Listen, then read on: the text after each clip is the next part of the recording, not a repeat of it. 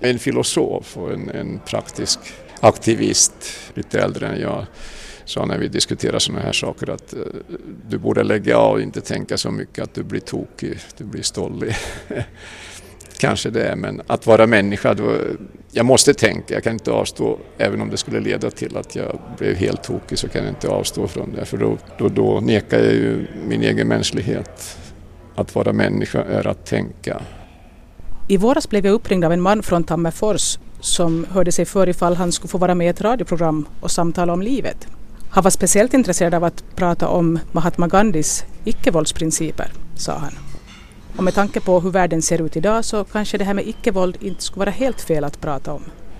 Jag fick senare ett långt brev där han berättade om sig själv och vilka saker som var viktiga för honom. Är du springande? Nej, jag åker cykel. För några veckor sedan såg jag min chans att träffa den här mannen eftersom jag ändå skulle till Tammerfors. Och vi stämde träff på hotellet där jag var inkvarterad. Vi försökte hitta en lugn plats för vårt samtal och slå oss ner i det bortersta hörnet av hotellets restaurang. Jag vill gärna ha dina idéer men jag vill också ha en bild av vem du är, hur du blev den du blev. Ja, Lite ja. sådär. Mm. Så, så, Ja, men jag tänkte bara redogöra så att du vet det här alltså. Jag har varit intresserad skulle över 25 år med dessa tankar. Och det som startade mig att medveta mig, att försöka bli medveten av mig som en människa var när jag på 80-talet mötte Gandhi genom hans, eh, Mahatma Gandhi genom hans autobiografi och Louis Fishers eh, biografi.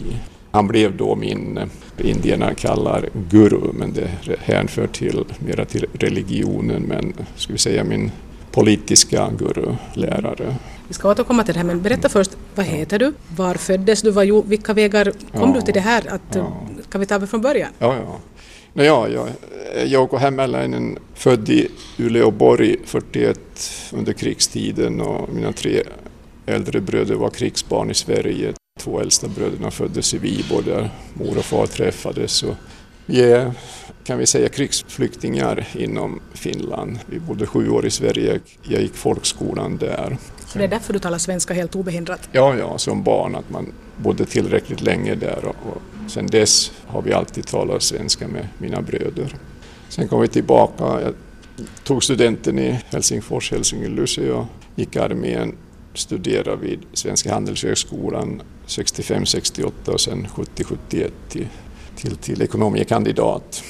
I brevet som jag fick av Jouko Hämäläinen framgår också att han gifte sig i mitten av 60-talet, alltså medan han ännu studerade, och fick så småningom fyra barn.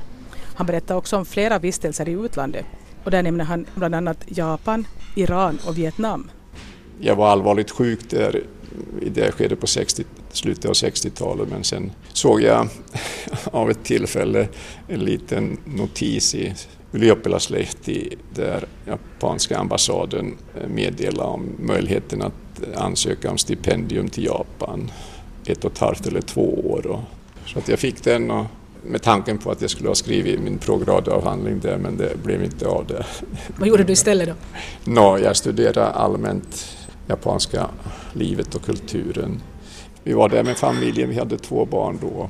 Det var ett viktigt stadium och sen kom vi tillbaka. och Jag började arbeta var i pappersindustrin och jag hade redan på 70-talet blivit intresserad av eh, u-landsproblematiken och hade ansökt om att bli lärare i Tanzanien men då avvisade mig av medicinska skäl. Men sen såg jag en annons om en plats som inköpschef i, genom Pöyry i Iran och jag var där nere och gjorde en förhandsanalys en månad, november 78.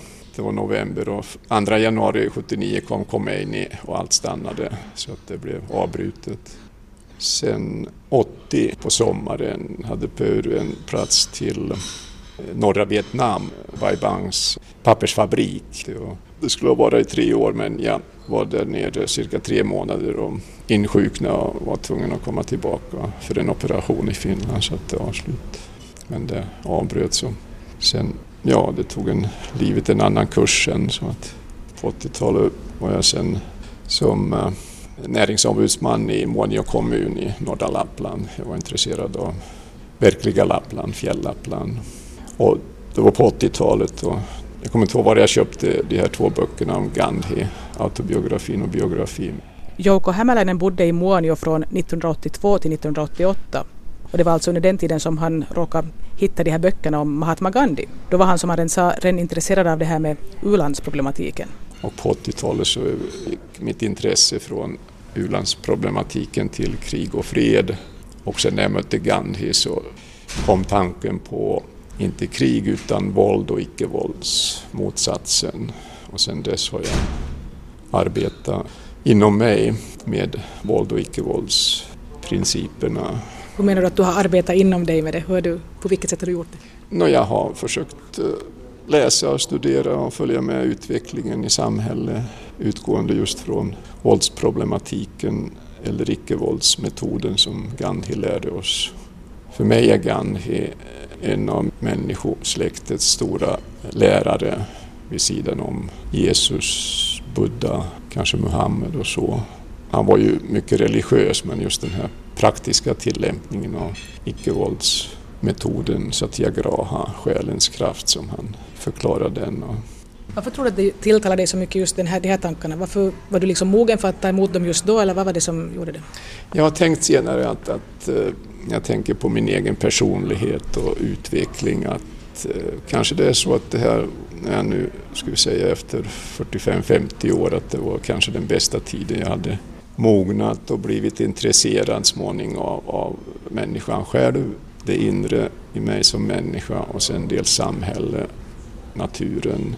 Men det tog tid.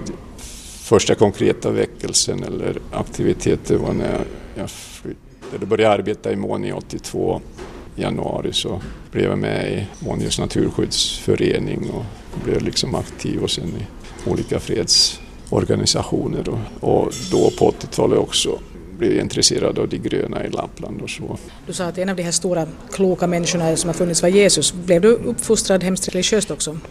Nej, jag inte så där.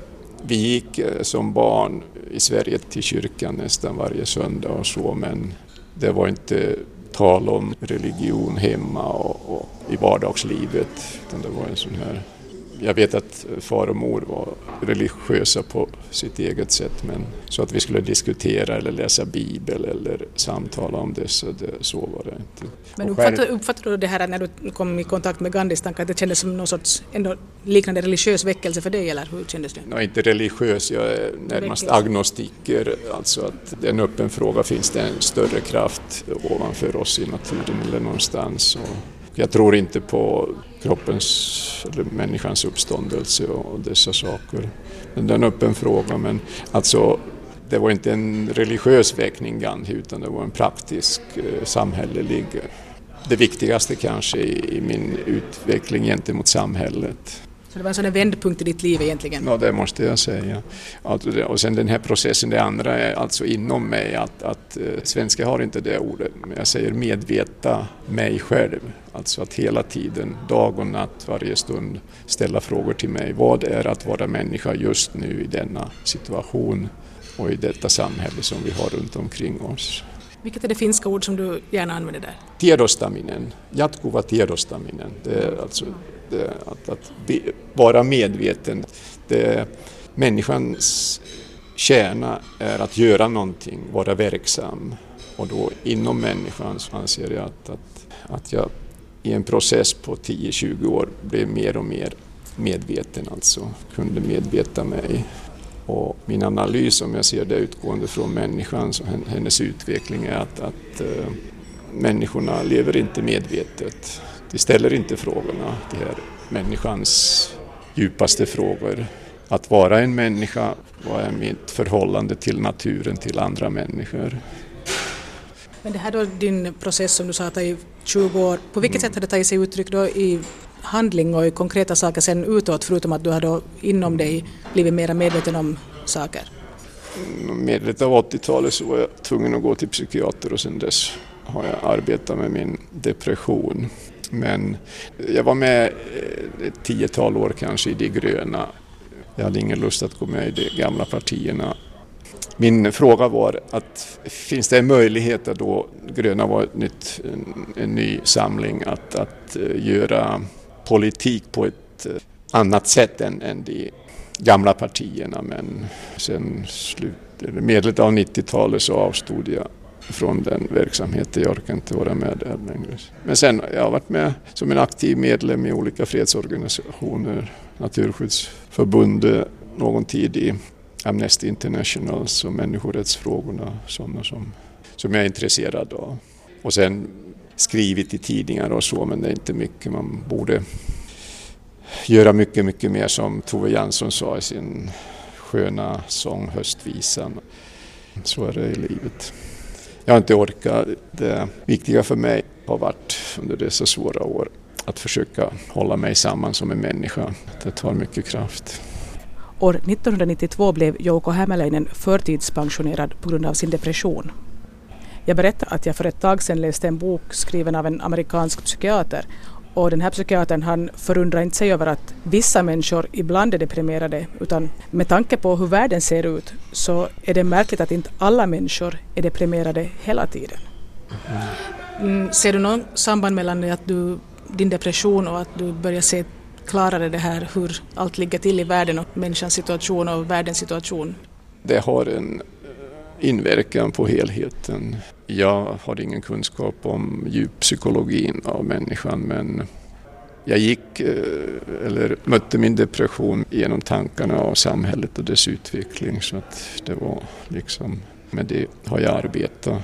Den avgörande eh, problemet för människan och mänskligheten är ju vårt förhållande till eh, naturen som är, och vi förstör våra möjligheter att, att leva vidare en filosof, som filosofie doktor, alltså filosof och en, en praktisk aktivist, lite äldre än jag, sa när vi diskuterade sådana här saker att uh, du borde lägga av och inte tänka så mycket att du blir tokig, du blir stollig.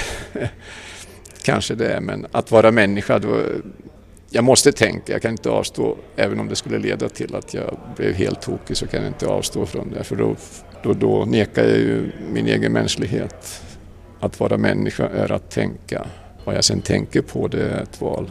Och Jouko Hämäläinen tänker mycket på hur man ska få människor att se att det finns en möjlighet att välja icke-våld. Eftersom vi har de här stora problemen så är min analys, eller resultatet av min analys, att människorna har inte kommit på att försöka bli medvetna eller vill inte det. Jag kan ta, ta bara ett exempel när jag analyserar på grund av Gandhis satyagraha, icke-våldsprincip, att vårt samhälle bygger till stor del på våld. Och då måste man ju fråga vad är våld? Vi har det på individuella planet inom familjen, i skolan, på gatan. Sen har vi samhälleliga våldsapparaten, mördar och förstörelseapparaten, armén, krig, vapen. Men det som är det största ser vi inte Eh, vi tittar i samhället men vi ser inte och det är det strukturella våldet. Jag ger ett exempel på det. Jag frågade 12 september 2001, alltså en dag efter attacken i New York. Vilken betydelse har det? Vem dör? Varför dör? Hur många dör? På vilket sätt dör? Och vilka de är? För vi visste om vi vill veta och vågar se i samhället. Att varje dag före det, varje vecka, varje år, i årtionden och sedan dess, sju år, varje dag har dött 30 35 000 barn varje dag. Barn, alltså en människa under 15 år. Att människan dör är ju ingen tragedi, det är en helt naturlig sak och en lycklig sak kan det också vara. Men när jag frågar har vi som är så att säga utvecklade, har vi resurser, har vi kunskap, har vi förmåga, har vi teknik att förhindra dessa, som jag ser onödiga, dödsorsaker? Det har vi. Vi kan producera god föda och friskt vatten, drickbart vatten. Vi har mediciner, vi har utbildningsmöjligheter. Vi kan vi kan inte förhindra att människan dör, men dessa oskyldiga barns död kan vi hindra. Och det är strukturellt. Vi vet det varje dag. Det är, är, är undangömt och vi vill inte se det. Och, och, då frågar jag mig, har vi någon annan möjlighet? Och då uppstår svaret, Gandhi visade oss med sin praktiska gärning. My life is my message. Mitt liv är min sanoma. Budskap. budskap. Ja. Mitt liv är mitt budskap. Att vi har möjlighet. Och min enda lilla fråga är att skulle vi kunna ens diskutera möjligheten till att välja icke-våldsprincipen? Det är att människan har problem. Det är inget problem. Det är helt naturligt att vi har problem på individuella planet med oss själva och i samhället. Det viktigaste är på vilket sätt vi försöker lösa våra problem. Det förekommer våld inom familjen men det är förbjudet per lag och, och vi förstår det.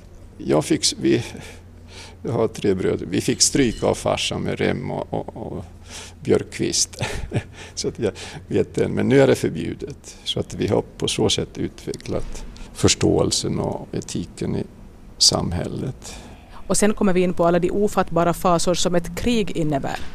Och ändå har vi den möjligheten att vi genom förhandlingar, genom diskussion, kompromissökande, som vi måste göra. Det finns ingen sånt krig eller sån våldsperiod efter vilket vi inte har varit tvungna att diskutera. Så jag frågar mig, varför kan vi inte försöka diskutera före innan vi förstör och dödar 80 miljoner, 100 miljoner i andra världskriget? Och den enda möjligheten som jag ser och som Gandhi lärde är icke-våldsprincipen. Och det, då tar vi ju till kärleken till det positiva i människan. Jag är helt inne på hans tanke att, att människan till naturen är god. När hon har möjlighet inom normala betingelser så väljer hon det goda. Men för att kunna välja det goda så måste människan bli medveten. Och det är det som Jouko Hämäläinen hemskt gärna vill föra fram, att människan måste bli medveten om att det finns ett val. Ett val är en gärning som grundar sig på våra värden. Vad är viktigt för oss? Så att eh, praktiska livet när man sätter sig in så möter man varje dag när man börjar medveta sig, bli medveten att vi har möjlighet genom våra val att påverka. Men i det här läget när vi har en så kort stund gentemot naturen, vi måste ta till radikala åtgärder, så är det avgörande på politiska, samhälleliga planet. I Finland eller Västeuropa, vi är det rikaste. De största delen, en miljard, två miljarder, vet inte ens har de mat och vatten imorgon, kanske idag redan. Det är klart att vi vi måste dela med oss materiella resurserna. Annars går det inte. Min fråga är om jag vore i, i ett nödläge där jag inte har vatten nu, jag är törstig, jag kan inte, eller om jag dricker ur vattenpölen så, så dör jag. Jag har inte mat för mina barn och jag ser världen. I ett sådant nödläge, vad frågar jag mig? Skulle de som är rika, som har alla resurser, kunna dela lite och vi kan sänka vår materiella levnadsstandard mycket och ändå ha ett mycket gott liv. Jag tror inte mer på politikerna att, att, eh, att om inte människan själv och människorna blir medvetna och börjar kräva så men så du menar att, att det här, de här icke-våldsprinciperna ska förverkligas genom att var och en enskild liksom blir medveten om de här sakerna och börjar fordra det som individer? Att det inte, man kan inte vänta sig att någon smart politiker mitt i allt säger att hej, vi gör ju fel, nu måste vi börja dela med oss, utan att det måste komma från varje enskild människas eget ja, alltså medvetande. Vi, vi, måste ställa krav på politikerna. Men man ställer ju inte krav om inte man själv är medveten. Nej, nej, alltså det måste, vi måste väcka vår människa inom oss och en, en, stor del, jag har arbetat med dessa eh, väl över 20 år. Det börjar bli mer och mer stökigt i restaurangen så vi stiger upp och ställer oss ute i korridoren. Ganska nära toalettdörrarna i och för sig men det var lite lugnare i alla fall. Det jag tänkte nu fråga som jag tänkte på medan vi pratade allt här att det att du blev intresserad av antivåld och sånt hur mycket har det med att du själv föddes under kriget? Det var ju faktiskt under en våldsam period du föddes. Kan det ha någon sorts betydelse tror du? Nej, så har inte jag upplevt. Mor berättade att i Uleåborg så sprang hon med oss in i skogen när i bomba Uleåborg men jag har ingen sånt, inga minnen om kriget och uh, mina två äldsta bröder föddes i Viborg 37 och 39 och, och mor var gravid när hon blev flykting. Så att uh, vad kriget och att vi förlorade Karelen betydde för vår familj att, att vi flyttade sen runt omkring i Finland och i Sverige och så, så att det har medfört den här ska vi säga, flyktingslivet. Men jag har inte upplevt det som ett personligt problem utan jag har sett det mera generellt. Kriget som, ett, som en företeelse och våldsakt in, inom samhället. I det brev jag fick av Jouko Hämäläinen i våras skrev han att han också gärna ville prata om livets mening. Ja. Har du kommit fram till livets mening vad det är? Ja, för mig är det, det är en intressant utveckling. Tidigare tänkte Jouko Hämäläinen så här. Det finns ingen generell mening med livet som vi kan säga. Alltså någon kan ha religionen, någon psykologi, filosofi eller någon, men ingen generell grund som skulle gälla alla människor. Och då tänkte jag att, eh, att eh, livets mening är för varje individ att söka meningen för sitt eget liv. Men sen senare kom jag på, kanske fyra, fem år sedan, jag vet inte om det var i samband med att jag arbetade fyra år som frivillig arbetare i Finlands äldsta hospits här i Tammerfors. Men kom på idén, livets mening är att utveckla sig till en människa, att bli en människa. Och det är en, en mycket intressant resa man kan göra. Det är en lång och kanske en av de svåraste, men den generellt hänsyn så, så säger jag nu att eh, livets mening är att bli en människa. Att leva fullt och att bli en människa och, och utveckla sig till en, försöka utveckla sig till en människa, det är en svår uppgift. Tycker du själv att du har lyckats med det här målet att bli en människa? jag är på väg, det är mycket, mycket svårt. Jag kämpar varje dag med mitt inre att, att vara och försöka bli just nu i detta samhälle men jag orkar inte göra mycket utåt. Borde göra mycket, mycket mer. Det är mycket svårt men ändå, det är mitt val att, att det största för mig att, att jag har kunnat under dessa sista 25 åren eller så har haft förmågan och styrkan att hålla mig samman som en människa. Det är pågående kamp att, att inte falla isär eller falla sönder. Men det är också intressant, det är givande, även om det är svårt. Det, mm. Du sa att du kom på det när du jobbade på hospice, att du jobbar med döende människor. Ja, ja. Alltså. Varför valde du att uh, jobba som frivilligarbetare där? De första åren var jag här som frivillig i ett barnträdgård. Att arbeta med barn är mycket intressant. Sen var det några år emellan såg jag en annons att sökte frivilliga och då tänkte jag att just för att det är döden som spelar, döds, eh, dödshemmet, att man dör. Och den, den tiden resulterade sen i en mycket viktig fråga för mig i jämfört med i mitt förhållande till döden. Jag har varit allvarligt sjuk så jag har arbetat sedan 60-talet, 70-talet med min egen död. Den svåra sjukdom som Joko har nämnt några gånger så det var en tarmsjukdom som gjorde att man opererade bort hela hans tjocktarm. Så nu ställer jag frågan, att borde en människa älska sin egen död?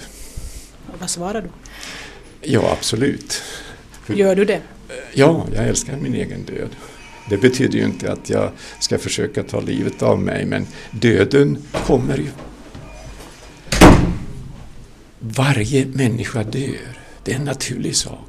Om någon säger att, eh, eller frågar att är du rädd för döden, eller jag är rädd för döden, då frågar jag att förklara, har du tänkt på vad är det du är rädd för? Är det, är det det att du har smärtor när du dör? Det kan vi ta bort. Är du rädd att, att detta liv slutar?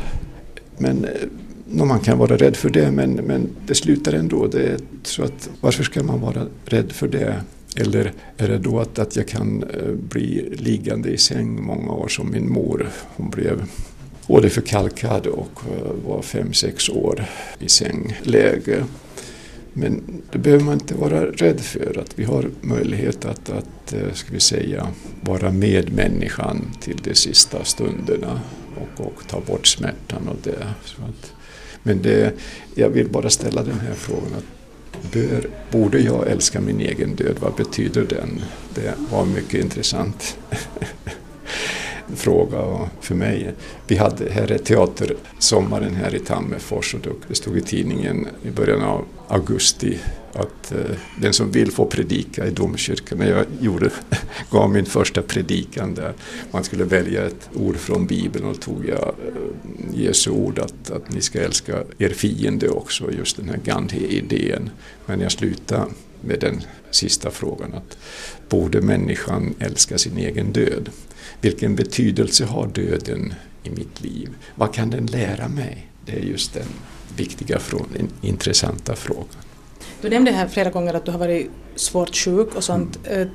Hur tror du att det har påverkat dig? Har det gjort att du har liksom börjat uppskatta livet på ett annat sätt eller på något sätt se på livet på ett annat sätt? Det att du har liksom tvingats tänka jo, på det här med döden och sånt? No, ja, det är alltså, jag har gått igenom två stora operationer så att jag är handikappad så att eh, då har man ju före operationen så tänkt också på den möjligheten att det kan vara sista ögonblicken. Så att skulle, det varit, skulle det ha varit okej för dig om det skulle vara det? Var du i det skedet då redan att du tyckte att du kunde Nej, älska din död? Nej, eftersom barnen var då små så, så att, Men då tänkte jag inte på, tänkte bara att döden är en möjlighet men då hade jag ingen tanke på att jag borde älska eller fråga mig att älskar jag min egen död? Döden har en viss, eller mycket viktig och bestämd uppgift i vårt liv. Eller det ger en möjlighet till tänkandet, ett frö. Och ja, för mig är att döden alltså att det är en absolut sak att vi möter den. Jag nyper mig ibland att Hörde du gubbskrunk, den här skinnet och det här domnar bort någon gång. Det blir ett skelett kvar av det. Men det är att, men eh, jag har sedan 70-talet liksom arbetat med min egen död så att på så sätt det är en naturlig sak för mig. Jag kan inget göra så att... No, det om döden. Hur är det med lyckan? filosofin säger ju att lyckan är ju det varje människa söker men alltid så ställer jag frågan okej okay, men vad är lyckan? Lyckan är för mig någonting som är mycket kort, det är som en, en liten pip i livet men den, eh, jag kan inte leva i lyckan, den är så stark och djup. Det är bara en, en kort stund jag kan uppleva lyckan. Och när vi talar om lycka så tror jag och förstår att eh, att jag har, lever djupt tillfredsställd. Det är en helt annan sak. Jag kan jämföra det med eh, den fysiska sidan. Att, att orgasm är en mycket djup och stark, kanske den starkaste, djupaste eh, fysiska upplevelsen en människa har. Och vem kan leva i en orgasm i en dag eller eh, fem veckor eller så? Det är omöjligt. Så att eh, där jämför då att lyckan är en djup, mycket kort stund. Jag kan sitta vid sjön och uppleva naturens skönhet som en lyckostund eller ett förhållande, något konkret, ett barns leende kan vara en kort lyckostund. Men just att jag har dessa korta, djupa, starka ger mig kraft. Och så man kan då ha en sån där, att man kan vara tillfreds med livet sen ja, den resten men, av tiden. Men, men alltså jag särskiljer en, en djup tillfredsställelse att jag har ett gott familjeliv, jag har säkerhet i livet och jag kan göra det som är viktigt för mig. Det skänker en djup tillfredsställelse och jag är helt nöjd med livet. Men för mig är inte det lycka. Lycka är mycket korta stunder som, som är mycket kraftiga och djupa. Till slut frågar jag nu Jouko Hämäläinen ifall det är någonting han vill tillägga. Ja, alltså, min enda tanke när jag vill diskutera om icke-våldsprincipen offentligt så är att skulle vi ens kunna diskutera om den möjligheten vi har inom naturen, inom oss själva, att tillämpa icke-våldsprincipen när vi löser våra problem. Och då förstå det positiva som det medför i livet. Det är en tanke, det är bara en fråga. Och det är ett val som en fri människa kan göra. Jag tror absolut att vi har, vi har full möjlighet att tillämpa icke-våldsprincipen i vår, våra liv, eget liv och i samhället. Men inte är ju, när vi tar till våldet, det är ju ingen lätt sak. Det förorsakar mer och mer, större och större och djupare och djupare och svårare och svårare problem. Så att det positiva i icke-våldsprincipen är det som tilltalar mig. Och jag tror, jag tror själv att det är en möjlighet för människan.